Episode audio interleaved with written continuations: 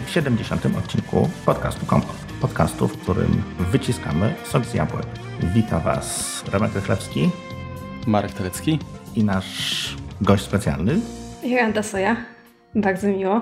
Witaj Jolu. Mamy specjalny odcinek, no, średnio okrągły 70, no ale powiedzmy jakaś tam okrąglejsza liczba się pojawiła i mamy pierwszą panią, kobietę, po drugiej stronie Skype'a.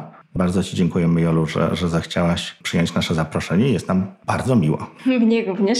Może powiedz najpierw kilka słów o sobie, bo podejrzewam, że nasi słuchacze mogą Cię troszeczkę tak niejako przez osmozę znać, bo prawdopodobnie słuchają innych podcastów, gdzie czasami Twoje imię się pojawia. Powiedz coś od siebie. Okej, okay. nazywam się Janta Soja, jestem z K7, stąd właśnie pewnie może trochę osób mnie kojarzy, nawet jeśli nie bezpośrednio. Jestem od wielu lat deweloperem iOS i macOS. Mhm. Jestem też certyfikowanym trenerem Apple dla ścieżki programistycznej oraz certyfikowanym deweloperem FileMaker. Także to są generalnie rzeczy, którymi zajmuję się zawodowo. Czy jesteś tą bardziej urodziwą połową K7, według nas? Mam nadzieję. Aż się zarumieniłem, bo generalnie po takiej laurce to się czuję taki mały. Nie no, resume jest rzeczywiście imponujące i, i, i myślę, że no, czeka nas naprawdę ciekawy odcinek. Tak, no, no ja właśnie chciałem tutaj zwrócić uwagę na to, że generalnie jakby branża informatyczna jest raczej sprawą męską, tak? Jest, jest słabo sfeminizowana. Niestety.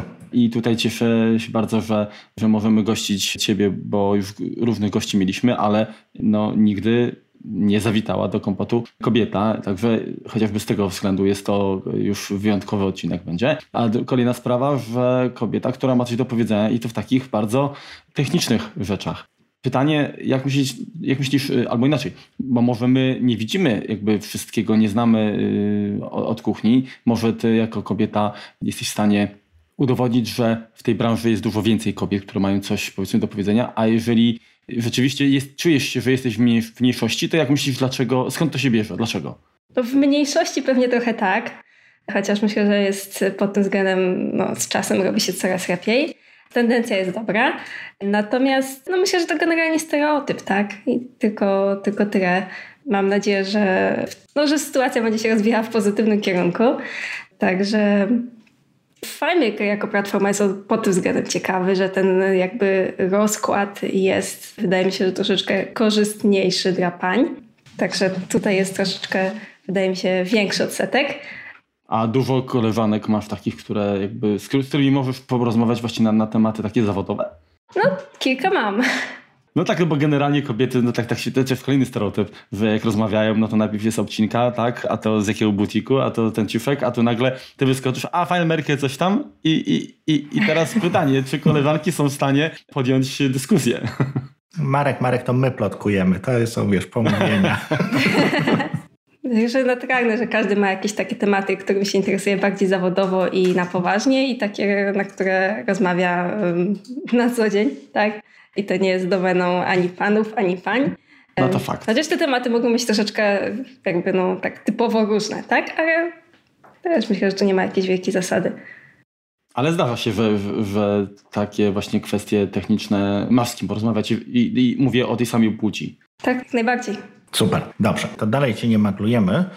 Tak y, bezpośrednio o tobie. Powiedz nam troszeczkę więcej o K7, bo Miłosz tak trochę opowiadał, trochę nie, natomiast chcielibyśmy, jeśli to możliwe oczywiście, troszeczkę historii K7 poznać, jak powstało, czym się na początku zajmowaliście, skąd pomysł na firmę.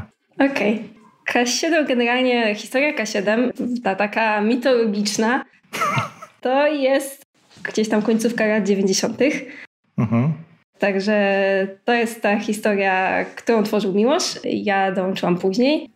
Generalnie te początki były skupione wokół z jednej strony trochę demosceny, środowiska demosceny wokół amigowców, uh-huh. także takie były początki. Yes, yes. Natomiast to znam tylko jako, jako legendę, bo ja Miłosza poznałam no, trochę później uh-huh. na studiach. No i tak pod koniec studiów gdzieś tam już mając w kręgu zainteresowanie rozwiązania Apple, Miłosz e, szukał osób, które chciałyby z nim e, razem w tym działać zawodowo. Mm, no i osobom, które które gdzieś tam sobie wybrał, y, zadawał takie pytanie, czy chciałby z nim pracować. Mhm. No i ja byłam tą osobą, która się odważyła e, na ten szalony pomysł, e, no bo byliśmy studentami, wiadomo, to jest ten moment, kiedy zaczynając coś nowego, no trzeba troszeczkę zaryzykować, wydaje mi się. Natomiast nie żałuję jak najbardziej. No już trochę lat minęło, od kiedy mamy firmę. Mhm. Także no, jeżeli chodzi o, o K7 już takie w tym ujęciu właśnie bardziej firmowym, mhm. tak, jesteśmy zorientowani na to, co jest związane z platformami Apple. Wokół tego się koncentrujemy. I generalnie mamy jakby takie trzy filary, które gdzieś mm, jakby ta, ta, ta główna nasza działalność wokół nich się koncentruje. Pierwszy to jest, to jest development, programowanie i to zarówno mamy swoje rozwiązania, które dystrybuujemy pod swoją marką, mhm. jak i piszemy software dla klientów zewnętrznych. Jasne. To to jest jakby jedna część. Druga część naszej działalności to są szkolenia. Tak jak mówiłam, no w K7 mamy certyfikowanych trenerów Apple, między innymi. Mhm. Także, także jakby to jest jakiś drugi fragment naszej działalności. Prowadzimy i szkolenia takie właśnie certyfikowane i własne autorskie szkolenia. A trzecia część naszej e, działalności to są takie usługi konsultingowe, w których częścią gdzieś tam jest FileMaker. A ja jeszcze tak spytam, czy praca w K7, którą rozpoczęłaś na ileś tam już lat temu, tak nie, nie, nie pytam, chociaż właściwie to moglibyśmy spytać, ale po co kobiecie nie pyta o takie dane. Natomiast pytanie jest... To jest pytanie o wiek tej... firmy, nie, nie mój, tak? Także... Ale wiesz, no tutaj są ludzie mocni z matematyki, no tak. studia, koniec, no. dobra, no, no to wiesz. wiesz nie, nie, chcemy tutaj dawać jakichś wskazówek. E, a pytanie jest takie, czy to, czy to był twój pierwszy kontakt w ogóle z platformą Apple w K7? No, ten pierwszy kontakt był troszeczkę wcześniej. Mhm. mhm. To znaczy, generalnie pod koniec studiów, kiedy, a może troszkę wcześniej niż pod koniec, y, kiedy poznałam Miłosza, no to był tą osobą, która mówiła, że powinnam kupić Maka, oczywiście. Y, no i na początku traktowałam to troszeczkę z przymrużeniem oka. Mhm. Socjotechnika taka. Natomiast czas mijał, mieliśmy okazję realizować jakieś różne projekty wspólnie i no i się przekonałam, że to jest komputer, który, który chcę mieć. Także tak się powoli zaczęło. Najpierw przekonał mi software, kupiłam komputer, uh-huh. potem okazało się, że programowanie na te platformy jest ciekawsze niż to, czym wstępnie zakładałam, że będę się zajmować. Aha. No i tak już dalej poszło, naturalnie bardzo. No miłość, jeśli chodzi o tą ewangelizację, to trzeba mu przyznać, że jest naprawdę bardzo skuteczny. Jesteś, potwierdzasz to, potwierdzasz to swoim przykładem. Potwierdzam, tak, potwierdzam. Czy, czyli komputery z jabłuszkiem był pierwszym sprzętem, tak? Jaki nabyłaś? Czy, czy właśnie iPhone, czy iPod? Tak, tak, tak, tak, nie, to jeszcze było przed, przed iPhone'em, także... Mhm. Także tak, najpierw był Mac i, i, w zasadzie także programowanie na Maca wcześniej niż na, na iPhone'a. Także ta kolejność może nie była taka oczywista. Nie przyciągnął mnie iPhone, bo, bo nie mógł mhm. na tym etapie. Także ta kolejność była może troszeczkę nietypowa, ale tak, najpierw Mac, potem iPhone. To powiedz może teraz czym, nie no właściwie powiedziałaś czym zajmujesz się w firmie. Bo to są szkolenia i to jest tworzenie, tworzenie aplikacji. Dobrze rozumiem? Tak jest, tak jest. Dobrze. To powiedz teraz tak, bo mówiłaś, że macie własne, własne oprogramowanie, oczywiście podejrzałem. Scarlett, Hipsher i Faktura. Czy one są dalej cały czas rozwijane? Dobre pytanie. E, jeżeli chodzi o Hipshera, jeżeli chodzi o Hipshera, szczególnie trochę zaskakujące, bo jakby to powiedzieć, y, jesteście może użytkownikami? Nie. Nie. Nie. Nie, bo pytanie rozwój troszeczkę tutaj No bo ja chyba troszeczkę funkcjonalność systemowa dogoniła, jak gdyby. Hipshare jest generalnie no, takim, taką aplikacją, która jakby to powiedzieć, grono użytkowników jest dosyć elitarne. Jasne. Także, także tutaj no, nie jest to jakby jakiś nasz flagowy produkt. Uh-huh. Jeśli chodzi o Scarlet, to historia jest bardziej skomplikowana. To jest jakby kilka aspektów. Po pierwsze jest to projekt, uh-huh. co do którego mamy bardzo, bardzo duży sentyment bo po pierwsze jest to jeden z naszych pierwszych projektów, a ty się mhm. zawsze wspomina jakoś tak serdecznie. Oj tak. Po drugie, no, nasza firma dosyć mocno się dzięki nim rozwinęła, więc, więc, tym bardziej. No, ale tu są jakby dwa, dwa aspekty tego, tak? Mhm. Po pierwsze, czego się spodziewaliśmy od samego samego początku, to nasza aplikacja, to dużo mówić, została zszerokowana przez Apple, tak? Mamy iBooks, Dokładnie. Scarlet pisaliśmy wtedy, kiedy jeszcze iBooks nie było na Maca i bardzo nam brakowało takiego narzędzia. Więc jakby tutaj sytuacja się troszeczkę zmieniła, a drugi problem jest taki, że no niestety mamy troszeczkę tutaj ograniczenia takie typowo technologiczne, to znaczy pewne rozwiązania, które obsługuje Scarlett, Mhm. no nie są do zrealizowania albo nie w taki sposób, jak były dotychczas realizowane, możliwe w dzisiejszej infrastrukturze App Store. Także jesteśmy tutaj trochę ograniczeni. Z jednej strony, jeżeli chodzi o możliwości Mhm. aktualizacji, krótko mówiąc, bo nie chcielibyśmy no, rezygnować z niektórych funkcjonalności, z których wiemy, że nasi użytkownicy korzystają i Jasne. uważają je za istotne, a z drugiej strony no, nie mamy do końca możliwości, żeby, żeby wspierać je w taki sposób, jak, jak byśmy chcieli, jak to działało, a użytkowników mamy sporo, więc no, trudno nam też porzucić pewne, pewne możliwości w programie. Mhm. Także mamy troszeczkę problem z tym, żeby zdecydować, co, co dalej i, i- jak sobie z tym No poradzić. tak, bo teraz przepisywanie tego od zera, no to jest po prostu raczej, raczej nieopłacalne. No nawet, nie, nawet jeśli nie od zera, to po prostu pe, z pewnych funkcji musielibyśmy zrezygnować, a, a wiemy, że dla niektórych użytkowników Mhm. jest to po prostu ważne, więc mamy tutaj troszeczkę problem z tym, co dalej. Widzisz, no to troszeczkę mi rozszerzyłaś pogląd na świat, ponieważ ja mam kilka takich aplikacji właśnie z, z Mac App Store'a, powiedzmy już wiekowych, tak? I część z nich nie jest od naprawdę wielu, wielu lat rozwijana. Nawet mam jakąś jedną, która jest jeszcze dalej 32-bitowa i, i, i zastanawiam się, no co się stanie za, za te pół roku. I podejrzewam, że to może być tutaj to, że po prostu oni nie bardzo mogą coś zmienić, no bo te, te reguły jednak się w międzyczasie zmieniły. Tak, zmieniły się, zmieniają się, jest to dosyć dynamiczne, platforma bardzo się rozwija i to jest z jednej strony bardzo pozytywne, ale z drugiej strony jest często też z drugiej strony cały czas się ma robotę. No. Jest to, to, jest to często wyzwaniem i no, czasem przychodzą z tym pewne ograniczenia i trzeba sobie z nimi jakoś radzić, więc no, to, to, to, może, być, to może być po prostu trudne. Spytam o te, z tych trzech projektów, to w którym miałeś największy udział? Trudno powiedzieć, bo to, to są szczególnie faktura, bo w sumie o tym projekcie nie powiedzieliśmy chyba jeszcze nic, tak? Tak, a w E, Jest projektem taki, nie wiem czy najważniejszy, no jest projektem, który jest na pewno wśród tych wymienionych najbardziej aktywnie gdzieś tam rozwijanym. No zawsze cały czas Także- w polskim top 50, top 50 aplikacji właściwie. Niezmiennie najczęściej w pierwszej dziesiątce, więc no, nie ma powodów tutaj, żeby się tym nie chwalić. Generalnie to trudno powiedzieć, bo przy projektach, które trwają sporo czasu, to ten to jakby rozkład zaangażowania też się zmienia w czasie mocno, więc, więc, więc trudno tak jednoznacznie to ocenić, tak? A jeżeli chodzi o twoje produkcje na iOS-a, bo, bo wspomniałaś, że, że tworzysz na tę platformę, to no powiem szczerze, że ja no nie wiem, nie przygotowałem się, bo nie wiedziałem, że, że, że na tę platformę tworzysz. To mo- możesz jakieś światełko tutaj rzucić? Co to jest? No tutaj większość niestety produktów to są aplikacje, o których no, nie mogę niestety powiedzieć. Bardzo możliwe, Czyli dla konkretnych klientów, tak? tak, dla tych Mhm. klientów. Bardzo możliwe, że któreś z nich używaliście, natomiast no, Jasne. Okej, nie mogę dobrze. się chwalić, że na tym stoję. To Ocenzurujemy. Dobrze. To może teraz tak wspominałeś o FileMakerze. Skąd się w ogóle wziął pomysł, żeby, żeby K7 się zainteresował FileMakerem? No bo jakby wyrośliście z, jakby z klasycznego, z klasycznych aplikacji, a, a ten FileMaker to taki troszeczkę, no uproszczenie, no taki, taki skrót trochę, jeśli chodzi o, o tworzenie, no bo to, to takie proste i tam w którymś momencie chyba nie trzeba programować. Skąd w ogóle ten pomysł? Pomysł wyszedł od naszych klientów, którzy przychodzili do nas i pytali nas o FileMakera. Raz na jakiś czas dostawaliśmy takie pytanie. Mhm. No i wcześniej, szczerze mówiąc, FileMakera nie postrzegaliśmy jako jakieś specjalne dla, specjalnie dla nas interesujące rozwiązanie.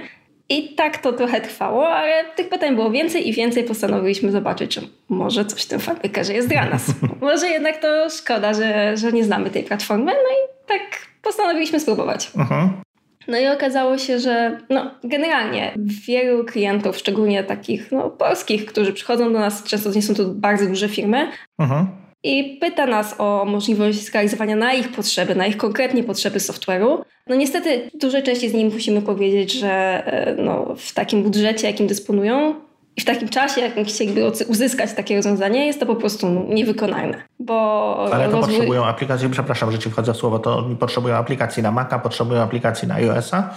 Czy, czy, czy generalnie jak to, jak to Zazwyczaj na? Maca, na iOS-a czasem mają na przykład jakieś urządzenia z Windowsem w firmie, ale zazwyczaj no, firmy, które do nas przychodzą z takimi pytaniami, to jednak mają coś z Maciem czy z iOS-em wspólnego bardziej niż mniej, więc zazwyczaj w tę w tę stronę. Jasne. Natomiast no, rozwój takiego oprogramowania jest no, niestety kosztowny i w przypadku małej firmy no, to, to jest to po prostu się nie sfinansuje. Więc y, z jednej strony FileMaker okazał się dla nas taką platformą, która pozwala nam takie projekty realizować, bo koszt wytworzenia oprogramowania jest znacznie niższy.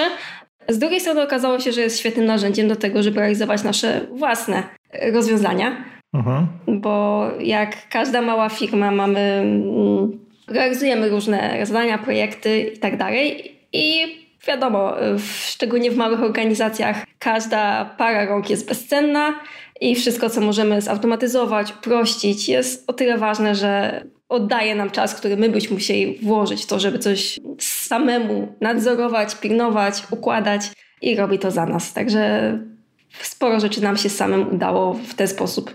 Nie bardzo dużym wysiłkiem, nie bardzo dużym kosztem zatem No bo tak, bo to nie musi być piękne, a musi działać, a w tym momencie ratuje wam to jakieś dodatkowe etaty prawdopodobnie.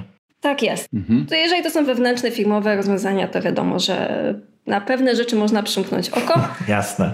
To nie jest aplikacja, która ma wyglądać bardzo, bardzo, bardzo pięknie, prestiżowo i przyciągać naszych klientów. To jest aplikacja, z którą ma nam się przede wszystkim wygodnie pracować. To jest główny cel. Uh-huh. Więc do tego rodzaju rozwiązań to jest super mm, platforma.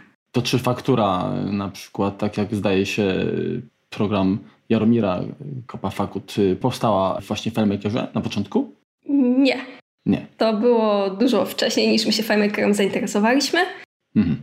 Nie wiem, czy faktura w takiej formie by powstała, gdyby, gdybyśmy znali FileMakera jako platformę, powstała... bo faktura powstała jako y, produkt taki dla nas wewnętrzny typowo. Aha. Generalnie historia była taka, że, że ja w pewnym momencie powiedziałam dość, nie będę wystawiać faktur w Pages, to jest niepoważne.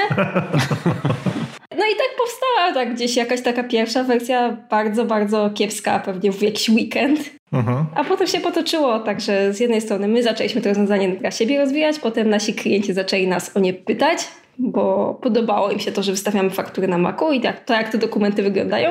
No i tak od krok po kroku aplikacja trafiła do App Store, no i już parę ładnych lat tam trwa.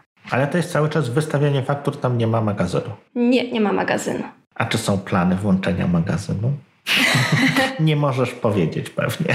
No, generalnie dosyć ostrożnie się wypowiadamy o planach. Na pewno uh-huh. fakturę cały czas postrzegamy jako rozwiązanie dla małych firm uh-huh. i na pewno nie należy się spodziewać, że będzie jakby rosła w takie poważne rozwiązanie nie wiem, z pełną księgowością i tak dalej, i tak dalej. Uh-huh. Albo coś z przeznaczenie właśnie dla dużych organizacji. Natomiast co do samego magazynu, nie mówię nie, ale no nie, nie, ma, nie mamy daty, nie mamy decyzji ostatecznej, także Rozumiem. zobaczymy. Jakbyście potrzebowali beta testera, to jednego macie. Wiesz, Jolu, przypomniałaś mi, bo faktycznie w FileMakerze jeszcze jak, jak pracowałem w mojej pierwszej firmie, gdzie właściwie zetknąłem się z jabłuszkami, też dysponowaliśmy takim wewnętrznym programem, można tak ująć, do wystawiania faktur, który był zrealizowany właśnie w FileMakerze. Mhm. E, stworzył go Adam Sikorski, jeden z moich szefów wówczas i działało to sprawnie też wyszukiwanie, później oczywiście zapisywanie, także tak naprawdę tutaj mogę przynajmniej ta wersja, która, który, z której korzystaliśmy, no to było lata temu. To działało. To działało stabilnie, jeszcze na systemie klasycznym oczywiście. No, nie było wtedy waszego programu, także nie mogliśmy wtedy go nabyć niestety. System klasyczny jak cały Marek. No. Chciałeś mi tutaj mnie pochwalić? Nie wiem, to jest komplement? Jak mam to odebrać? No komplement, a czego, czego innego mógłbyś się ode mnie spodziewać? No dziękuję. Aż się zarominiłem. Dobrze, tak chodzimy tak dookoła tego e, FineMakera, a nie powiedzieliśmy, co to jest. Może, może byś przedstawiła troszeczkę nam, do czego służy ten program, jak to, jak to wygląda, co to za żaba.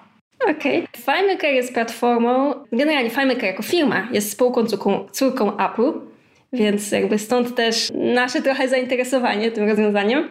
Daliście się namówić z tego powodu. Trochę tak, no na pewno nie przeszkodziło to. Co w rodzinie to nie zginie.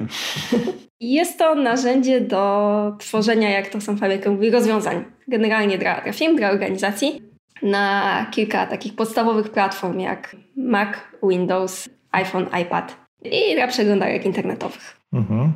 Także gdzieś tam to krążyło zawsze wokół baz danych, natomiast jakby ten, ten fragment jest mniej podkreślany jakby we współczesnym bardziej przekazie. Także jest to, jest to skoncentrowane wokół baz danych, ale generalnie chodzi o rozwiązywanie po prostu zadań, które firmy gdzieś realizują, potrzebują we własnym zakresie. Czyli tak, że ja zrozumiał, to jest program bazodanowy, ale teraz bardziej promowane i, i znaczy nie tylko bazę danych da się w nim robić, więc bardziej jest w ten sposób jakby pozycjonowany na rynku. To, to jest program do tworzenia jakby, no, nazywane jest to rozwiązanie, można to postrzegać jako aplikację, mhm. czyli generalnie mamy bazę danych, ale mamy też interfejs użytkownika, mamy jakieś swoje skrypty, także jest to takie narzędzie do szybkiego tworzenia oprogramowania. Jasne. Hmm. A właśnie, z tego co kojarzę, to chyba wcześniej to się nazywało Claris, prawda? Firma która tak. jest odpowiedzialna za, za tak. FileMakera. Tak, tak, ja troszeczkę grzebałem. Jakby FileMaker powstał.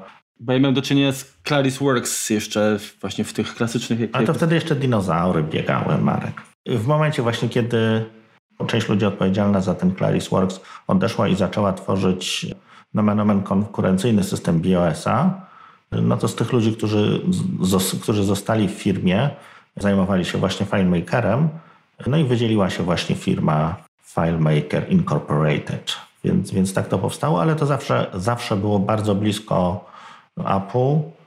No i dalej, tak, to jest jedyny właściciel, więc to jest firma córka. Chyba jedyny taki, taki przykład, gdzie coś, jakaś, jakaś taka firma, którą wchłonęli, czy współpracowali, czy współpracują, nie, nie została jakby zintegrowana z Mothership, tylko istnieje na, na zewnątrz. Ale jednocześnie często podkreśla to, że jest właśnie spółką Apple, tak? Także mhm. jest to w tym przekazie takim marketingowym też zawsze bardzo widoczne. Czyli więcej mają wspólnego niż ich dzieli, jeśli chodzi o postrzeganie czy rozwiązania, czy mechanizmy, tak jak widzisz po stronie deweloperskich prawdopodobnie. Tak, zdecydowanie tak. Im bardziej, im głębiej się zajrzy, tym bardziej widać, że ma to tak nawet organizacyjnie, tak jak pewne tematy są realizowane, mhm. ma to sporo wspólnego. To nie, to nie jest przypadkowe. Mhm. Że pewne rzeczy wyglądają podobnie. Poza, y, poza K7 y, są jeszcze jakieś inne firmy, które w Polsce zajęły się jakby tematem FileMakera? Macie jakąś konkurencję powiedzmy? Jak to wygląda? Jak najbardziej są firmy, które zajmują się FileMakerem w Polsce, natomiast FileMaker prowadzi taki... Mm, portal? Portal, można tak to nazwać. Jest generalnie taki program partnerów FileMakera, czyli firm, które FileMaker wspiera. Jest, y, listuje, w pewien sposób wspiera, tak, poleca, można powiedzieć, Aha. można wyszukać na stronie jako partnera. No i ta, ta, ta, ta organizacja nazywa się FileMaker Business Alliance. I my jako K7 jesteśmy pierwszą firmą z Polski, która jest w tym stowarzyszeniu, powiedzmy. Mhm. Mamy nadzieję, że nie ostatnią. Mhm. Także, bo przede wszystkim zależy nam na tym, żeby ten rynek się w Polsce po prostu rozwijał. I nie patrzymy na to jak na konkurencję i zagrożenie, raczej, raczej widzimy, że ten rynek no, nie jest jeszcze na takim poziomie, jakbyśmy chcieli, także mamy nadzieję, że będzie rósł. No to biorąc pod uwagę wasz... Na pewno ma ogromny potencjał. Mhm, to biorąc pod uwagę wasze doświadczenie i staż jakby w, w jakim, czy czas jakby poświęcony na jakby wdrożenie FileMakera w Polsce, jak oceniasz rynek? I na świecie, i u nas. Jakie są, nie wiem, proporcje powiedzmy? Jak wygląda popularność w ogóle tego, tego rozwiązania? No w Polsce wydaje mi się, że raczkuje. Nawet patrząc na listę partnerów, no, może nie porównujemy się do takich krajów, y, no nie wiem, nawet jak Wielka Brytania czy Niemcy, natomiast no, chociażby powiedzmy Hiszpania, mhm. która ma jakby tam, powiedzmy, możemy jakoś potencjałem się równać. No nie jest potentatem informatycznym, no. No może nie jest potentatem informatycznym, natomiast no tutaj widać, że tego ruchu jest po prostu tam więcej, tak? Także mamy nadzieję, no wiadomo, wszystko co się zaczyna, zaczyna się powoli, w pewnym momencie wybucha albo bardziej stopniowo, ale miejmy nadzieję rośnie, także na to liczymy, na ten wzrost. Na ten rozkwit, a, jasne. A, a to jeszcze takie pytanko odnośnie y, tego, tego rozwoju w Polsce. Czy, mhm. Jak sądzisz, czy, czy kwestia popularyzacji platformy, która jakby zyskała w oczach y, klientów, no nie da się ukryć, sporo przez urządzenia z iOS-em, tak? które były bardziej jakby dostępne, dzięki którym wiele osób jakoś się przekonało w ogóle do, do y, platformy z jabłuszkiem. Czy zauważyliście właśnie przez ostatnie powiedzmy, nie wiem, 5-10 lat jakiś znaczący jakby przyrost czy, czy wzrost zainteresowania, który pomógł wam jakby tego FileMakera propagować, tak? Jeżeli chodzi o FileMakera, to jakby na naszej skali to jest dosyć na nowe nasze zainteresowanie, więc nie mamy jakby takiej perspektywy 5-10 lat, nie, nie, nie, mamy niestety takiego porównania. Także trudno tu, trudno to powiedzieć, ale na, na pewno no, możliwość tworzenia aplikacji na iPhone'a i na iPada jest czymś przyciągającym. Także myślę, że myślę, że to ma niemałe znaczenie, natomiast no, nie mam takiego porównania niestety. Czyli na pewno dzięki temu, że te rozwiązania są dostępne właśnie między innymi na, na iOS-a, y, czyli można jakby tworzyć te rozwiązania na iOS-a właśnie w FileMakerze, to jest na pewno jakimś argumentem takim, takim asem w rękawie, jeżeli chodzi o przekonywanie waszych klientów tak, do, do wyboru tego rozwiązania.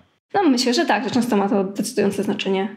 Ale teraz w tym momencie to jeszcze wy przekonujecie klientów do FileMarkera, czy jeszcze jesteście na etapie, kiedy klienci przekonują bardziej was? To zależy.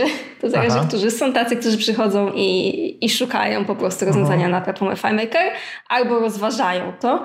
Natomiast są tacy, którzy przychodzą z pytaniem, mają taki mniej więcej pomysł, coś takiego chcieliby zrealizować, a my mówimy, no tak, FileMaker to jest rozwiązanie, które wpasowuje się jakby idealnie w wasze potrzeby, tak? Także oba tak naprawdę kierunki. Jasne. To może powiedz, no tak troszeczkę mówiliśmy o jakich platformach, tam nie ma Androida. Nie, nie ma Androida, jest wsparcie dla przeglądarek, uh więc oficjalna no, dokładnie jest taka, no. że Android tak, w przeglądarce. Natomiast są też rozwiązania firm trzecich. Jest uh taki produkt, który się nazywa LifeCode, uh i którego FileMaker jakby z jednej strony ani nie, jakby nie, nie ogranicza jego rozwoju, a nawet w pewien sposób można powiedzieć, że promuje, bo chociażby twórcy tego rozwiązania pojawiają się na konferencjach organizowanych przez FileMakera. I jest to projekt, który pozwala na podstawie rozwiązania stworzonego w FileMakerze wygenerować natywną aplikację na Androida. O. Także, także takie, takie ciekawe rozwiązanie. Oczywiście no, zawsze lepiej mieć wsparcie natywne, które no jest tak, no gwarantowane w jakiś sposób, że będzie utrzymywane. Tak. To jest bezpieczeństwo. Natomiast nie jest to niemożliwe już dzisiaj. Mhm. FileMaker też jako platforma oferuje e, coś, co nazywa się Data API, czyli po prostu taki interfejs restowy. Mhm. Także jeżeli mamy jakieś rozwiązanie, które wychodzi poza te platformy, o których mówiliśmy, to też możemy w oparciu o FileMakera coś zbudować. Czyli do jakiejś tam Także swojej aplikacji, je, je, która nie jest jakby w, nie, nie mieści się w kategorii Mac tak. Windows na przykład. Tak. Mhm, mhm, tak. Także czy na przykład coś, coś webowego, co też nie będzie realizowane mhm. przez FileMakera, ale na przykład chcemy to bardziej y, zintegrować z naszym rozwiązaniem, żeby to było bardziej takie nierozróżnialne od, od tego, co już mamy. Mhm. A możesz zdradzić, no bo de facto na razie tak jest, jakby dyskutujemy, to jest tak dość ogólnie o tym, do czego jest FileMaker, tak, i że to e, e, raczej nie, nie kładzie się nacisku na, na, na bazy danych, tylko na rozwiązania, to możesz zdradzić, jakiego typu rozwiązania czy aplikacje stworzyliście y, dla własnych klientów. Nie chodzi o jakieś tam detale, tak, ale typu, no, co, co, co one robiły. Bardziej tak, kategorie, co, dokładnie. Tak. Mhm. Ja może powiem o, o, o dwóch y, przykładach albo o trzech. Po pierwsze może to, to są rozwiązania, które stworzyliśmy Nawet możesz dla siebie. Sam, sami dla siebie, tak? Czyli, czyli są to, jest kilka takich y, projektów, które gdzieś albo na przykład wyrosły na gruncie czegoś, co najpierw, y, czym najpierw zarządzaliśmy w Excelu i z czego nie byliśmy specjalnie szczęśliwi, ale no, takie rozwiązania tworzy się szybko, to jest ich zaleta. Praca niekoniecznie zawsze jest satysfakcjonująca. Także parę takich naszych problemów po prostu przynieśliśmy na FileMakera w zasadzie w zerowym czasie i dodaliśmy sporo usprawnień wokół tego, więc to jest jakby pierwszy, pierwszy taki najmniejszy fragmencik. Bo tu warto wspomnieć jeszcze o tym, że FileMaker jako, jako platforma proponuje jakby trzy takie podejścia do tworzenia rozwiązań. Aha. Pierwsze podejście to jest tak zwany no-code, czyli w zasadzie nie piszemy oprogramowania, nie umiemy programować. Jedyne co robimy to korzystamy z tych interfejsów graficznych i w oparciu o to tworzymy właśnie proste aplikacje. Czyli to dla takich, którzy nie mają klawiatury, wszystko robią myszką. No klawiatura czasem może się przydać, Ale tak, a którzy nie są programistami, którzy Aha. nie są zorientowani w tym zakresie, natomiast no, chcieliby być w stanie jakieś proste swoje rozwiązania stworzyć. Więc to jest jakby pierwszy fragment. Więc ten jakby próg wejścia na platformę FileMaker jako osoby tworzącej rozwiązania Aha. jest dosyć, powiedziałabym, no, niski w porównaniu do na przykład do zostania deweloperem, nie wiem, iOS, tak? No chodź, stanowczo. Mhm. Ta ścieżka jest dużo, no krótsza, co tu dużo mówić. Mhm. To jest jakby pierwszy fragment. Drugi fragment to jest low code, czyli mamy jakieś pojęcie o bazach danych, takie dosyć ogólne. Aha. Jesteśmy w stanie złożyć sobie prosty skrypt na przykład, ale też nie jesteśmy w tym jakoś... W jakim języku od razu, przepraszam, pytanie? To nie wiem, czy słowo język tu jest najbardziej odpowiednie. FileMaker ma generalnie Aha. możliwość tworzenia swoich własnych skryptów. Mamy, mamy edytor skryptów, nie należy tego kojarzyć w żaden sposób z AppleScript, tak? To jest skrypt, e, edytor skryptów, ale nie, to, nie edytor skryptów e, z AppleScript. Jasne. Natomiast wygląda to tak, że mamy po prostu zestaw dostarczony w kroków skryptów i z tych kroków, nawet metodą taką przyciągnij, upuść, możemy uh -huh. takie skrypty sobie komponować. Oczywiście mamy kroki skryptów i funkcje, które są wbudowane w FileMakera. Możemy tworzyć własne, możemy korzystać z wtyczek, które dostarczają dodatkowe funkcjonalności. Ale nie jest to jakiś typowy język programowania. Wygląda to tak, że po prostu mamy kroki skryptów, które mają jakieś dodatkowe parametry Aha. i w zależności od tego, jak biegli jesteśmy, to albo je gdzieś tam przeciągamy, wyszukujemy, albo zaczynamy pisać, FileMaker magicznie podpowiada i bum, jest. Hmm. Także, także nie trzeba się uczyć żadnego języka programowania, to jest ta dobra wiadomość. Aha. Low-code brzmi jak, jak nazwa diety. A, a trzeci fragment Aha. to jest ProCode, tak? czyli już takie zaawansowane rozwiązania i tutaj to jest ten fragment, który gdzieś nas mocno interesuje, szczególnie, że w tym segmencie mieści się też integracja chociażby z, z zewnętrznym hardwarem, czym no, my gdzieś tam się tym interesujemy jako dosyć osadzeni na platformie.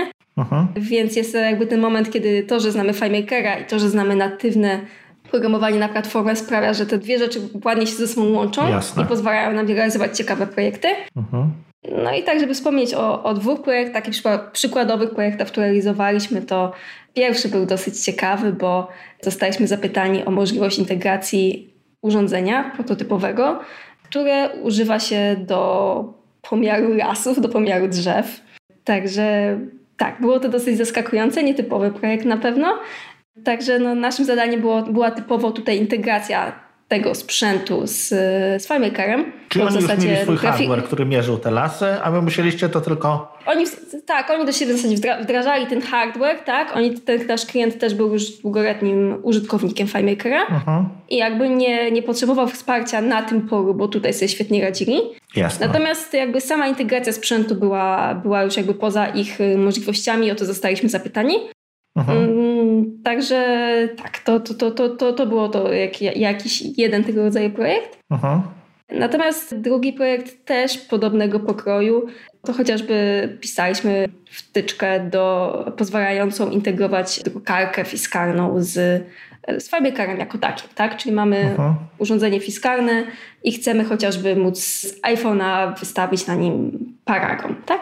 Także tego rodzaju projekty. No, my się dosyć mocno dobrze odnajdujemy właśnie na tym styku FileMaker, reszta niższym, świata. niższym poziomie, tak. Na tym niższym poziomie, tak. Także te, tego, projektów, tego typu projektów było trochę u nas proporcjonalnie więcej. Wspomniałaś o Procodzie. Czy tam też nie ma języka programowania, czy tam może jest jakiś SQL?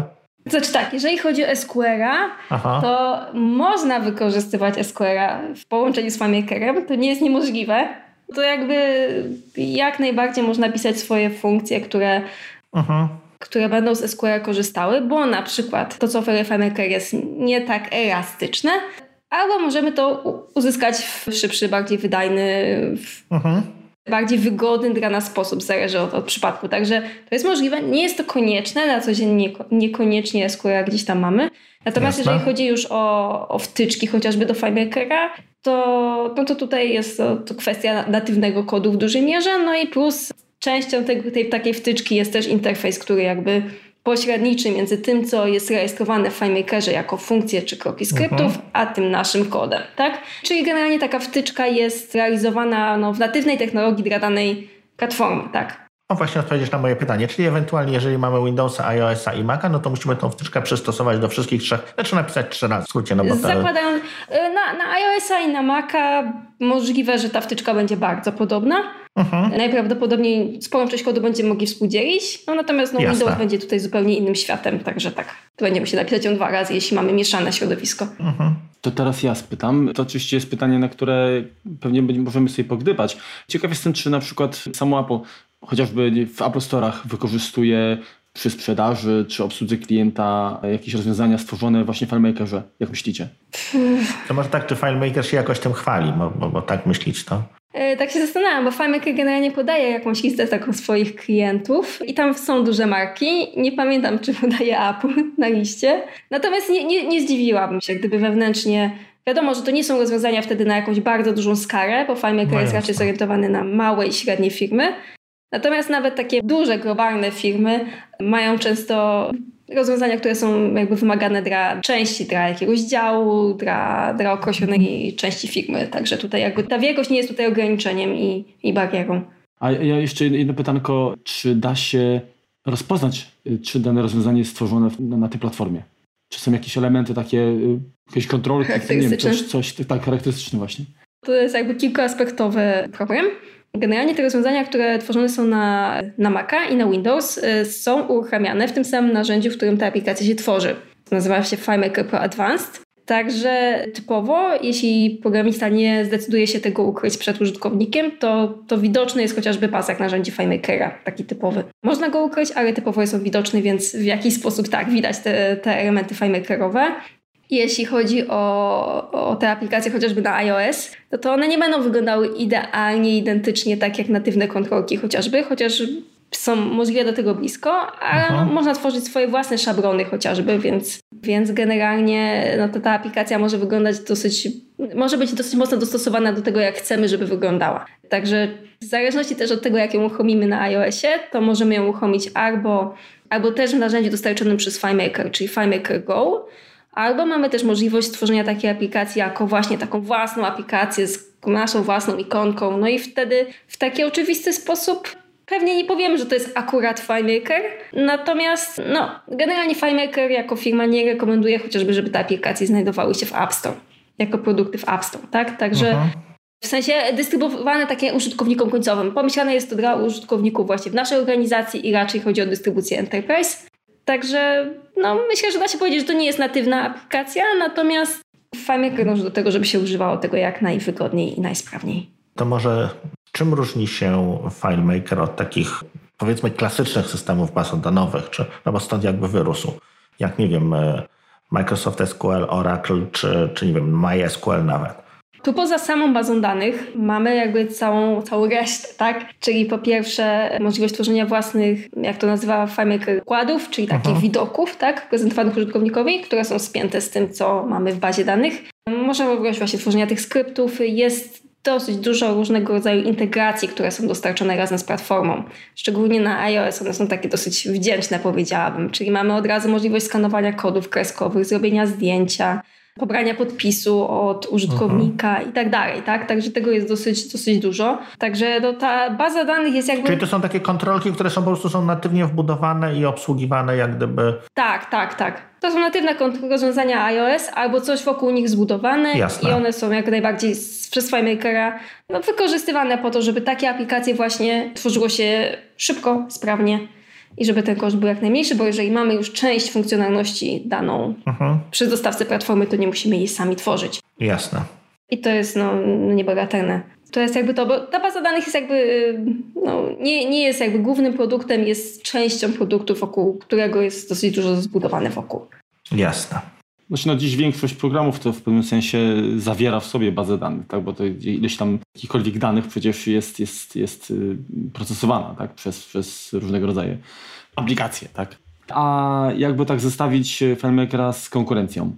Co wyróżnia FileMakera w porównaniu do, do konkurencji chociażby takich wiem, rozwiązań jak, jak Airtable, ClickUp, czy powiedzmy... Access. No nie wiem, tak, Okej, okay. od tych pierwszych rozwiązań nie znam, więc trudno mi jest też się o nich jakoś konkretniej wypowiedzieć. Co by tu powiedzieć konkretnego? No, po pierwsze, FileMaker może działać zarówno na pojedynczym stanowisku, niekoniecznie z dostępem do internetu, więc jeżeli mówimy o jakichś rozwiązaniach na przykład webowych, no, tak. no to tu będzie troszeczkę inaczej. To może być korzyść w zależności od scenariusza użycia, bo nie zawsze mamy ten dostęp do, do mhm. sieci, to jest jakby jeden fragment. Mamy też za pomocą FileMaker serwer oferowaną synchronizację, także możemy działać na wielu stanowiskach.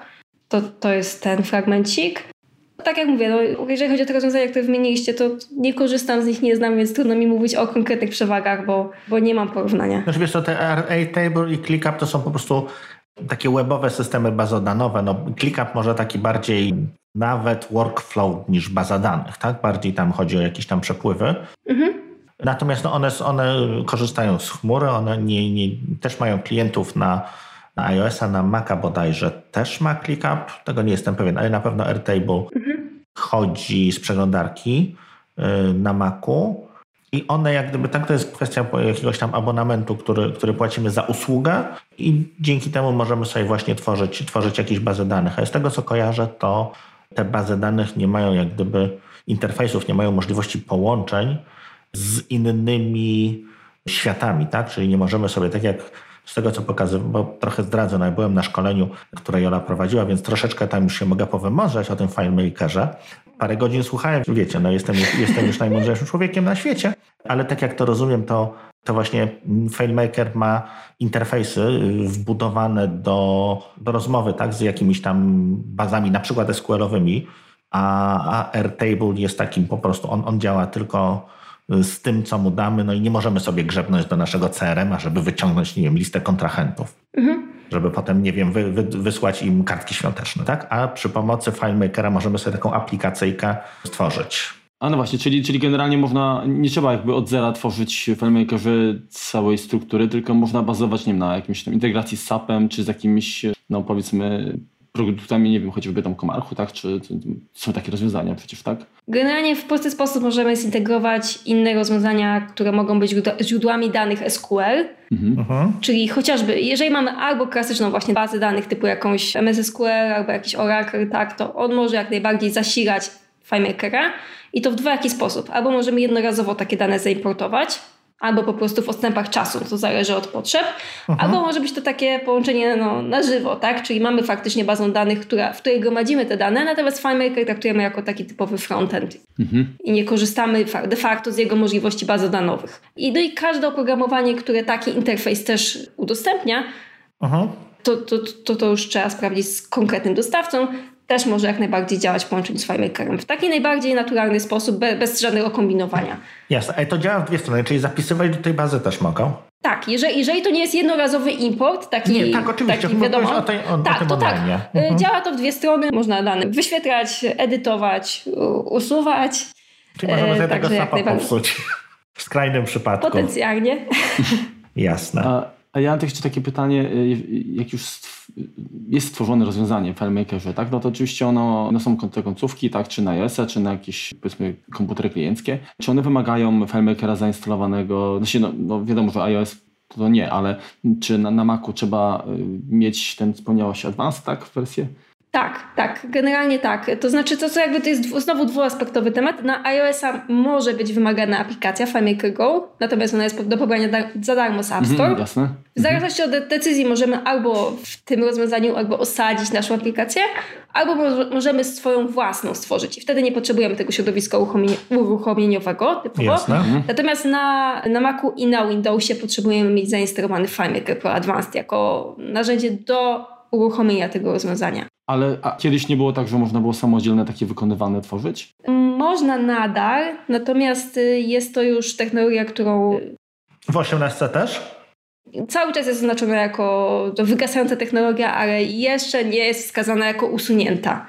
Także można takie rozwiązanie na Maca i na Windows stworzyć jako osadzona aplikacja, no, ale na razie się liczyć z tym, że to jest no, już wychodząca technologia i raczej nie spodziewać się w tym zakresie rozwoju więc potencjalnie nie musi działać super dobrze, bo to już e, chyba od FileMakera 14 jest oznaczane jako zdeprecjonowana, także to już trochę czasu minęło. No tak. Mhm. Dobrze, a jak, bo wspomniałeś jeszcze coś na temat FileMaker Server. To jest, mhm. osadzamy to na serwerze Macowym, Windowsowym, nie wiem, jakimś Linuxowym? Wspierany jest Mac i Windows. Aha. Czyli podobnie jak w, przypadku FileMaker Pro Advanced właśnie. I możemy to hostować albo na własnym serwerze, jeśli się na to zdecydujemy. O. Mm, w, na, w, na, w naszej lokalnej infrastrukturze. Albo u kogoś oczywiście. Aha. Albo nawet FileMaker dostarcza taką możliwość, którą nazywa jako FileMaker Cloud Aha. Czyli taki, taki serwer możemy y, trzymać akurat, w tym przypadku jest to AWS, tak, czyli Amazon, na serwerach Amazona. Przy takich typowych licencjach na, y, abonamentowych dostajemy trzy licencje na serwer i jedną taką licencję można właśnie przekształcić w FileMaker Cloud, czyli hostować go przez FileMakera na Amazonie. Mhm. Skoro FileMaker jest, jest córką, tak, Apple, bo oczywiście platforma macOS tak, czy, czy iOS się rozwijają mocno, czy również FileMaker jakby dotrzymuje kroku, czyli wszystkie zmiany pod maską, jeżeli chodzi o systemy, no te, na, na których pracujemy, czy one są jakby uwzględniane i, i możliwości dochodzą, są, są dodawane jakby do FileMakera sukcesywnie i, i tak, że nie trzeba na nie czekać powiedzmy jakiegoś tam nieprzyzwoitego czasu. To zależy jeszcze jakie możliwości, tak? Ale generalnie, no szczególnie FileMaker Go wydaje mi się, że w ostatnich latach się dosyć tak dynamicznie rozwija. No i wiadomo, to jest, to jest ich własna platforma, tak jakby nie było, więc no będzie mhm. im... Ale zdarzyło się, że były jakieś, jakieś problemy, że pojawił się, nie wiem, tam nowy iOS i coś przestało działać, albo, albo właśnie podobnie mm, z macOSem? Nie, nie, nie kojarzę takiej sytuacji, raczej nie. No i wiadomo, że jeżeli, jeżeli mówimy choćby o wsparciu dla, dla macOS, no to jest kwestia też tego, że chociażby dana wersja FileMaker Pro Advanced może być dostosowana do tego systemu. Mhm. Jak jeżeli powiedzmy mamy starszą wersję, wychodzi nowa wersja macOS, no to wiadomo, że ta nowsza wersja FileMakera, która oficjalnie wspiera daną wersję macOS, to będzie, będzie działała tutaj lepiej. Choć nie znaczy, że ta starsza na pewno nie będzie wspierana. To już kwestia jest wymagań technicznych, które są zdefiniowane dla każdej wersji.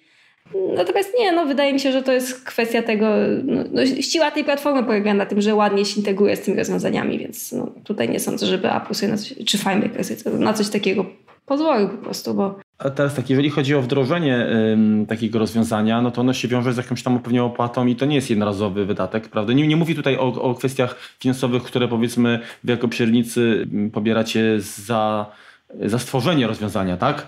Mhm tylko czy, czy samo Apple mm, pobiera coś w, w, postaci, nie wiem, jakiejś tam subskrypcji, czy to, jest, czy to właściwie ogranicza się tylko i wyłącznie do um, upgrade'ów?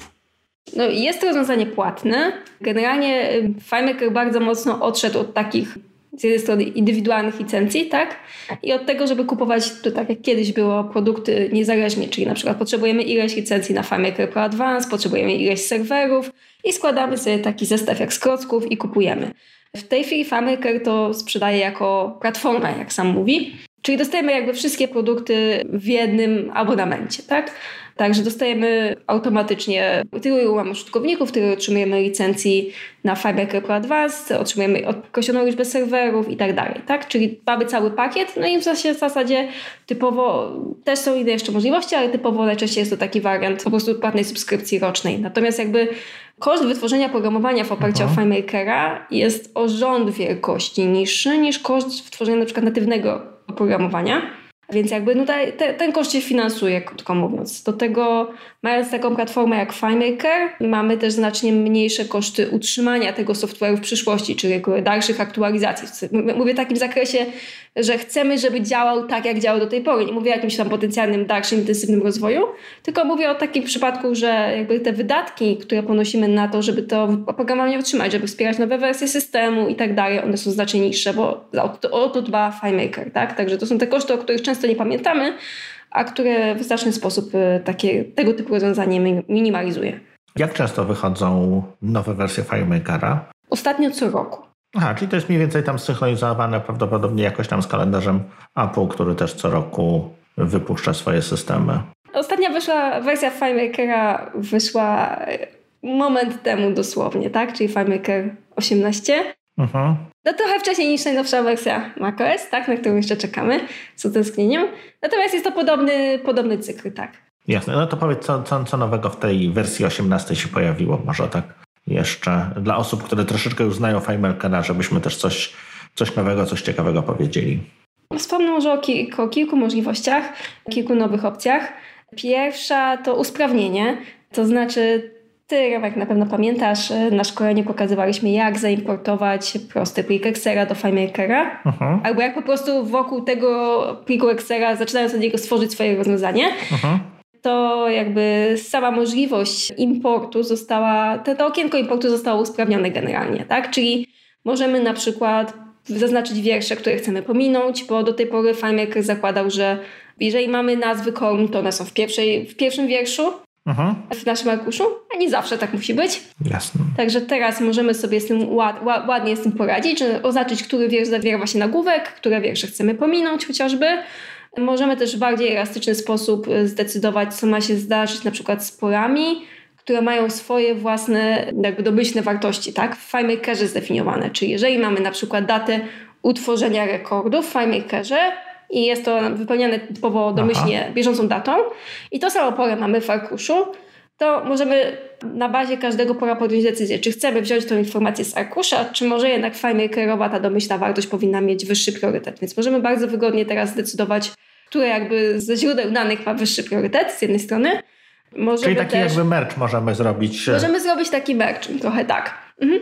I generalnie możemy też na przykład wygodnie tworzyć nowe pora w bazie FileMakera czy jeżeli zorientujemy się, że o, jednak w tym Excelu było jeszcze jakieś takie fajne pole, o którym zapomnieliśmy, to nie musimy jakby opuszczać tego kontekstu, przenosić się do definiowania bazy danych, zapominać, co już robiliśmy, a potem wracać, Aha. tylko faktycznie możemy w InPrace kliknąć, przejść do edycji bazy danych, dodać coś i od razu to wykorzystać. Także pracuje się z tym znacznie wygodniej, jest bardziej elastyczne. To to jest jakby jedna z funkcjonalności. Taka najbardziej jakby dla takiego końcowego użytkownika widoczna. Aha bo żeby importować dane nie trzeba być ekspertem od FileMaker, tak? To to jest jeden fragment. Drugi fragment, bardzo przydatny, to jest możliwość pracy, powiedziałem, pracy z plikami, co zabrzmi trochę zabawnie, ale chodzi o to, że chociażby możemy w bardzo łatwy sposób teraz zapisywać logi, które FileMaker generuje do pliku, ale możemy też tworzyć własne pliki i do nich zapisywać dane jakie chcemy, czyli na przykład, jeżeli FileMaker ma, realizuje eksport chociażby do, nie wiem, do XML, do CSV, do takich standardowych formatów, uh-huh. czasami jest tak, że potrzebujemy czegoś więcej. Może ten eksport musi być jakiś taki bardziej nie jest to po prostu wiersz kolumna, wiersz kolumna, wiersz kolumna, mamy jakieś takie bardziej e, wyrafinowane oczekiwania, to aha, możemy aha. taki plik wygenerować sobie sami teraz i w wygodny sposób go zapisywać, odczytywać, edytować. Na iOSie również? Więc, więc Myślę, że na iOSie niekoniecznie. No właśnie, jeszcze nie. Raczej, raczej jeszcze nie, poczekajmy na pliki, tak? No, na razie to by było pewnie dosyć e, karkołomne przedsięwzięcie. Mhm. To, to jest to. Super funkcja dla deweloperów, którzy rozwiązują swoje, rozwijają swoje rozwiązania i, no i chcieliby w wygodny sposób śledzić, co się zmieniło. To pojawia się nowa możliwość, można wyeksportować jakby ten projekt nasz FileMakerowy wyeksportować jako XML. Czyli możemy mieć no, chociażby możliwość łatwego porównywania wersji, tak? Co się zmieniło między wersją a wersją XML jest takim formatem, z którym się wygodnie pracuje pod tym względem. No tak. Także super fajnie. Jest tych zmian sporo oczywiście, ale to takie trzy pierwsze, które gdzieś tam przychodzą na myśl. Jest oczywiście sporo poprawek związanych z bezpieczeństwem, chociażby. No, no to jak zawsze, oczywiście. Jak zawsze. W sensie takich nie tyle poprawek bezpieczeństwa, w sensie błędów. To usprawnień. Usprawnień, tak. Nowych możliwości nowych jakichś tam integracji, chociażby to, że teraz możemy udostępnić osobie, jakiejś osobie w organizacji możliwość zarządzania chociażby kontami, natomiast nie dawać jej za bardzo innych uprawnień, takich typowo admina, tak? Czyli ktoś może być odpowiedzialny. Może tworzyć użytkowników, ale kasować już danych niekoniecznie. Nie może, nie może na przykład edytować skryptów, co już potencjalnie nie chcielibyśmy tego, tak? Czyli ten jakby poziom fragmentacji uprawnień jest większy, bardziej elastyczny. Okej. Okay. No to Brzmi to nieźle. My jeszcze na potrzeby y, prowadzenia podcastu chyba nie wejdziemy w to rozwiązanie, ale... Może, Marku, może. Możesz mówisz? Nie, ale jest, jest to ciekawe i faktycznie, kurczę, chyba się skuszę, jak znajdę chwilę wolną na przetestowanie tego, chociażby tak, żeby się przybliżyć sobie, tak? Bo apetyt trochę wzrósł mi. Na razie, na razie nie, nie, nie czuję jakby zastosowania, tak oczywiście w moim przypadku, ale lubię ciekawe rozwiązania, a skoro tutaj no, wystawiałeś to w dość atrakcyjny sposób. Jest to o tyle proste, żeby spróbować, że Faber dostarcza 45-dniowe demo. Mhm. Także jest troszkę czasu, żeby się pobawić, żeby polubić i ewentualnie się zdecydować. I generalnie FileMaker dostarcza też coś takiego jak rozwiązania startowe, czyli takie przykładowe aplikacje stworzone w FileMakerze, Także na dzień dobry jeszcze nic nie umiejąc możemy też zobaczyć, co można w FileMakerze zrobić. A takie rozwiązania są tyle fajne, że z jednej strony to są aplikacje stworzone w FileMakerze, więc możemy poznać możliwości i zobaczyć, o, tu jest na przykład lista kontaktów, super, od dzisiaj będę jej używać. Uh-huh. Tak? Ale z drugiej strony możemy te rozwiązania w całości edytować, możemy oglądać kod, który jest tam napisany, także przeglądać strukturę bazy danych, zobaczyć jak dane układy są stworzone, jak skrypty zostały napisane, więc można się na podstawie tych rozwiązań chociażby uczyć. No myślę, że ty jako mistrz jada Excela to byś naprawdę znalazł tam taką przyjazną przystań. No tak właśnie myślę, bo Excel jest fajny, ale gdzieś ta skalowalność się gubi w miarę, tak powiem, skomplikowania rozwiązania, tak? Także być może. Może mi się uda przekonać jakichś moich tam takich małych tam klientów. To powiedz jeszcze Jolu, bo, bo też, też o tym nie wspomnieliśmy. Mhm. warto, warto by powiedzieć, jak FileMaker jest licencjonowany. Znaczy, powiedzieliśmy o, o licencjonowaniu, natomiast ile to kosztuje i jak to jest dystrybuowane w Polsce? Może jeszcze kilka takich mhm. informacji bardziej technicznych. Jasne. Sekundka. Jeśli chodzi ogólnie o kwestie abonamentowe, to wygląda to tak, że FileMaker bardzo mocno promuje taki model dla organizacji subskrypcyjny. Jest możliwość nabycia jako pojedyncze rozwiązanie licencji na FileMaker Pro Advanced, takiej indywidualnej. Aha. I wtedy to jest koszt około 500 bodajże dolarów, troszkę więcej. Aha. 540 w tej chwili. Nie ma na stronie niestety FileMakera ceny w złotówkach, więc Będziemy musieli w głowie sobie mniej więcej Nie, no to jasne, to tak? będzie można to przeliczyć, Ale to oczywiście. Mam, mam, wiemy, mniej więcej, wiemy mniej więcej ile to jest. To jakby to jest jeden taki fragment, natomiast wtedy dostajemy środowisko do tworzenia aplikacji, to jest jedna pojedyncza licencja, więc nie mamy chociażby serwera, więc niekoniecznie jest ten, to jest ten taki najbardziej pożądany model. Aha. Natomiast ten taki rekomendowany przez FileMakera to jest tego rodzaju tak skonstruowana licencja, że mamy subskrypcję, mamy organizację, w której mamy określoną liczbę użytkowników, co najmniej pięciu. I żeby nie skłamać. Yy... 900 dolarów rocznie. 900 dolarów rocznie, ta taka naj, mhm. najniższa licencja, i w tej cenie dostajemy, tak jak mówiłam, licencję już na każdego użytkownika na FileMaker Pro Advanced. Dostajemy uh -huh. trzy serwery, także jeżeli mamy potrzebę, żeby, żeby faktycznie poza serwerem produkcyjnym mieć jeszcze jakiś do testów, tak, co jest chyba dosyć e, Dokładnie. tak, backupowy, dosyć pożądanym e, modelem, e, to no to tak, to, to, to dostajemy to jakby w cenie, tak? I, I mamy w tej cenie możliwość tworzenia i uruchamiania aplikacji na Macu, na Windowsie, mamy wsparcie dla przeglądarek, mamy iPad, iPhone. Także tak to wygląda. No teraz widzę jeszcze nawet jest promocja Marku, coś dla nas. Kupując -hmm. jeden, możesz jedną podarować. Więc jak kupisz dla siebie, to możesz mi podarować. No i vice versa. No a jeżeli chodzi o tą część pytania, jak jest FileMaker dystrybuowany, jak można go kupić? FileMaker nie prowadzi bezpośrednio sprzedaży w Polsce. Firmą, która jakby... Ale przez stronę można go kupić? Nie, jeżeli jesteśmy w Polsce, jeżeli wybieramy jako kraj Polska, to jesteśmy przykierowani na stronę partnera FileMakera, którym jest firma Winsoft. Aha. I która jest dystrybutorem między innymi na nasz rynek. Natomiast no, mamy też dystrybutorów po prostu poza tym jeszcze takich y, dystrybutorów FileMakera, tak? Czyli czy sprzedawców FileMakera, resellerów może, to, to, to jest to słowo, którego mi brakuje. Aha. No i, i, chociażby K7 jako, jako partner FileMakera jest też takim resellerem. A, czyli masz Także w Polsce, jeżeli, jeżeli mamy firmę w Polsce, y, albo jesteśmy osobą fizyczną w Polsce, no to, to mamy do wyboru albo właśnie Winsoft, mhm. albo któregoś z FileMakera. Jasne. No to ciekawe, że firma jako firma ze swoimi produktami w Polsce już dość mocno, bo to się poprawiło mm, przez ostatnimi latami, udostępnia jakby te, te swoje rozwiązania, a tutaj z jednej strony promuje, reklamuje FileMaker, a z drugiej strony tak troszkę nasz rynek y, traktuje hmm, na dystans. Znaczy nie wiem, czy na razie tak na to patrzeć. To jest kwestia tylko i wyłącznie dystrybucji, także Ciekawe. Natomiast no, chociażby jest, jest dostępna wersja w języku polskim, także bo to no. też dla niektórych to nie masz co narzekać, jak zrobili po polsku, to nie narzekaj.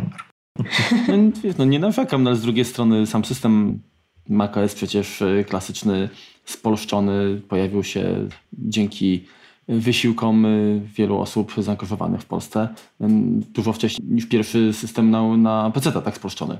Dobrze, to powiedz jeszcze tak na koniec może jak od strony dewelopera, tak jak to wygląda współpraca z FileMakerem. Mówiłaś, że jest to troszeczkę podobne jak, jak współpraca z Apple, czyli to też pewnie jest jakieś konto deweloperskie, są jakieś konferencje, jak to, jak to w praktyce wygląda.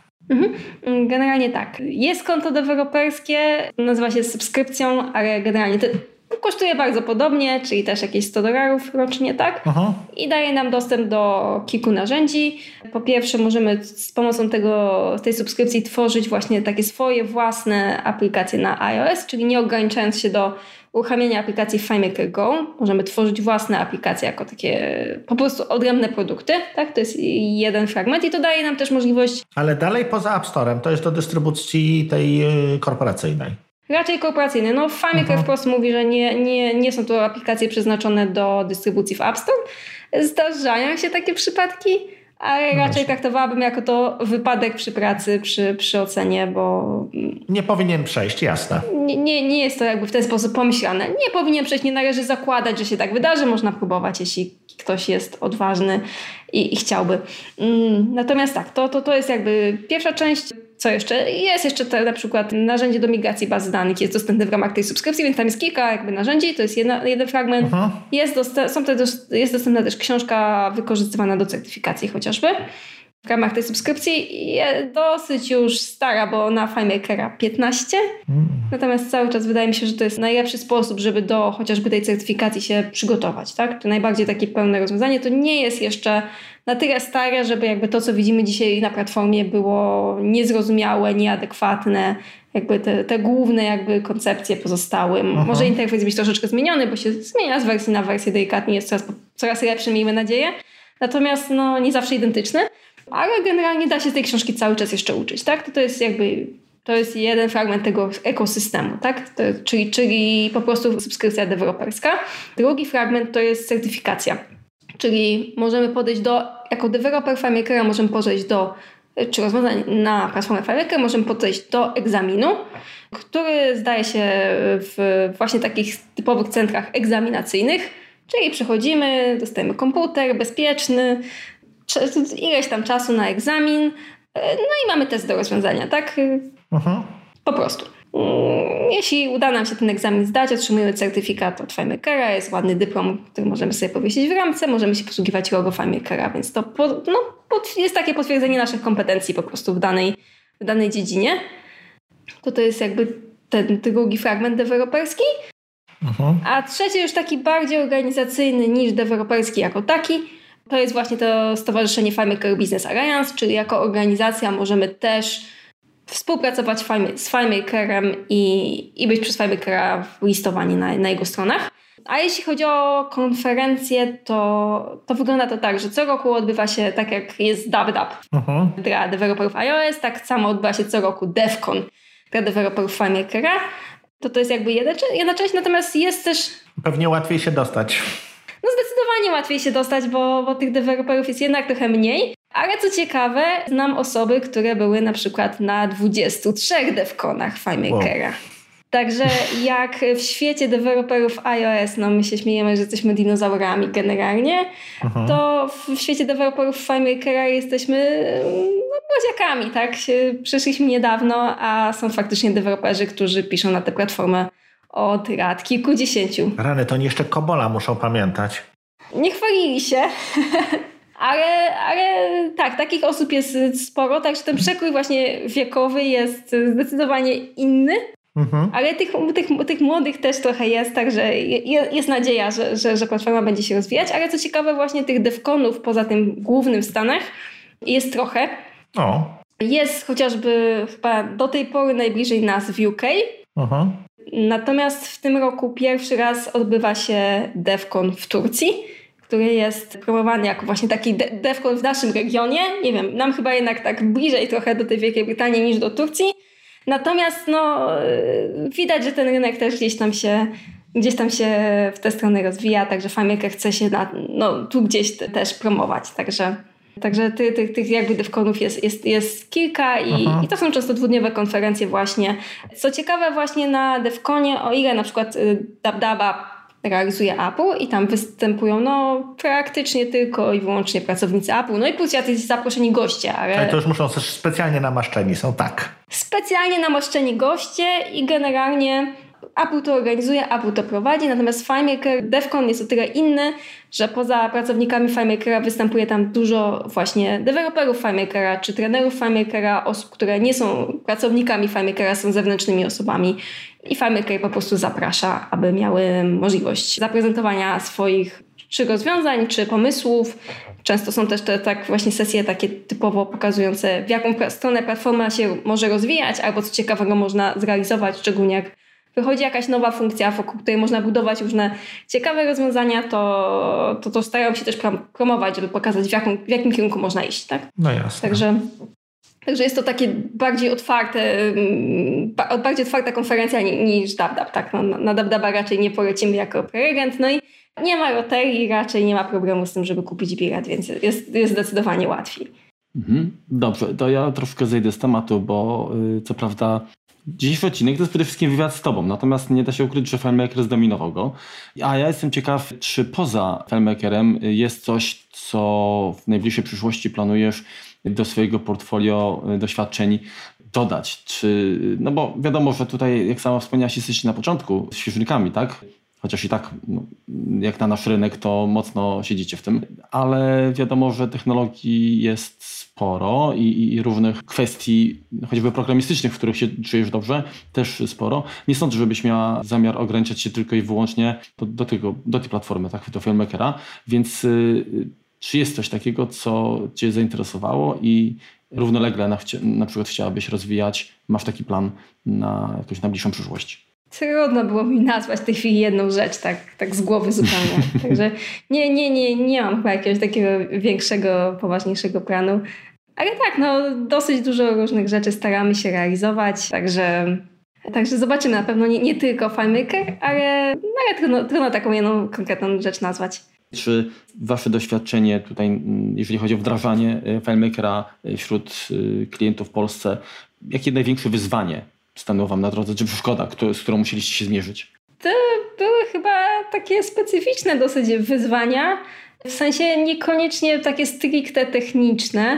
I jedno z wyzwań, przed jakim stanęliśmy, to właśnie w wspomnianym projekcie do pomiaru rasów zderzyliśmy się z takim ograniczeniem, którego jakby deweloperzy są świadomi, ale dostając urządzenie w pudełku nie zawsze jesteśmy świadomi też, jak ono działa. Okazało się, że urządzenie działa w oparciu o stary protokół Bluetooth. Natomiast iOS jako platforma, aby bez certyfikacji, która wiadomo trwa i kosztuje, pewnie korzysta, kojarzycie takie etykiety jak Made for iPhone. Mhm.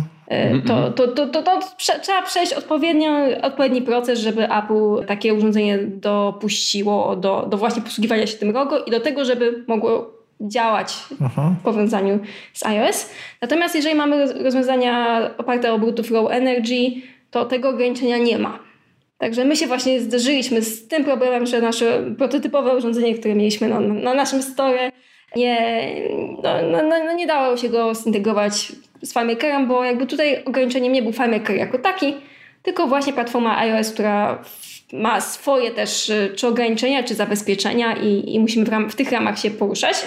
Także tu na szczęście się udało pójść prostą ścieżką, czyli producent zdecydował się obsługiwać protokół Low Energy, więc Bluetooth Low Energy, więc mhm. to, był, to było jakby jedno takie zderzenie z rzeczywistością. No a drugie było takie, dosyć takie zabawne. W projekcie, w którym pracujemy, w końcu z, nie techniczne zupełnie, bo to też już nie bywa. Często te projekty informatyczne y, sprawiają, że uczymy się rzeczy gdzieś tam obok, tak? Bo jest jakaś domena, no albo bo jest coś specyficznego i, i to też czasami bywa, czasami bywa najciekawszym fragmentem tego projektu. Nie ta otoczka technologiczna, ale to, co gdzieś tam wokół tego jest.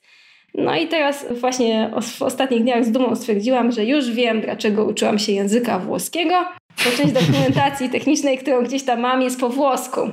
Także okazało się, że ta umiejętność jednak na coś się przydała, poza wyjazdem na wakacje potencjalnym faktycznie no, czasem, czasem w zaskakujących momentach pewne rzeczy się pojawiają. Także niekoniecznie techniczne wyzwania tutaj, ale właśnie takie dosyć zabawne powiedziałabym.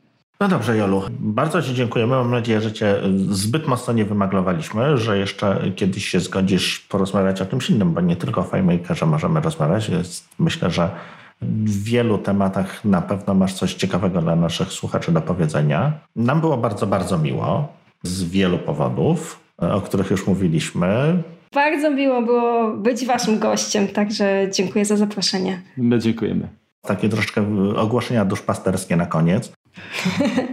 Następny kompot pojawi się zapewne po WWDC, które nam się zbliża wielkimi krokami i spróbujemy to, to jakoś ogarnąć. Bardzo Wam dziękujemy za kontakt, za maile, za, za jakieś tam wiadomości. Jest nam jak zwykle bardzo miło. Za każdym razem, jak czytamy to co, to, co piszecie w iTunes, to się rumienimy. I nie zamierzamy jakby przestawać robić tego, co, tego, co robimy, jakoś wprowadzać jakiś tam zmian, więc nie, nie, nie bójcie się. Czasami odpisujemy z opóźnieniem, ale to po prostu wynika z tego, że musimy najpierw ochłonąć. Ostygnąć, tak. to powiedz może jeszcze, Jolu, tak, mhm. żeby się stało, stało zadość, gdzie cię można znaleźć, jeżeli kogoś zainteresował, czy FileMaker, czy K7, to, to, to jak, jak na, na ciebie trafić? Bo Miłosza to wszyscy wiedzą, jak znaleźć, więc tutaj go reklamować, natomiast ciebie, ciebie zareklamuję. No, mogła. mnie generalnie jest trudno znaleźć w sieci. nie, nie, nie jestem osobą, która gdzieś tam intensywnie używa mediów społecznościowych, delikatnie mówiąc. Mhm. Natomiast tak, K7EU. K7EU to jest nasza strona. Mm, pracujemy teraz nad, nad blogiem, także y, trochę treści powinno się pojawiać, także zapraszamy. Dobrze, bardzo dziękujemy.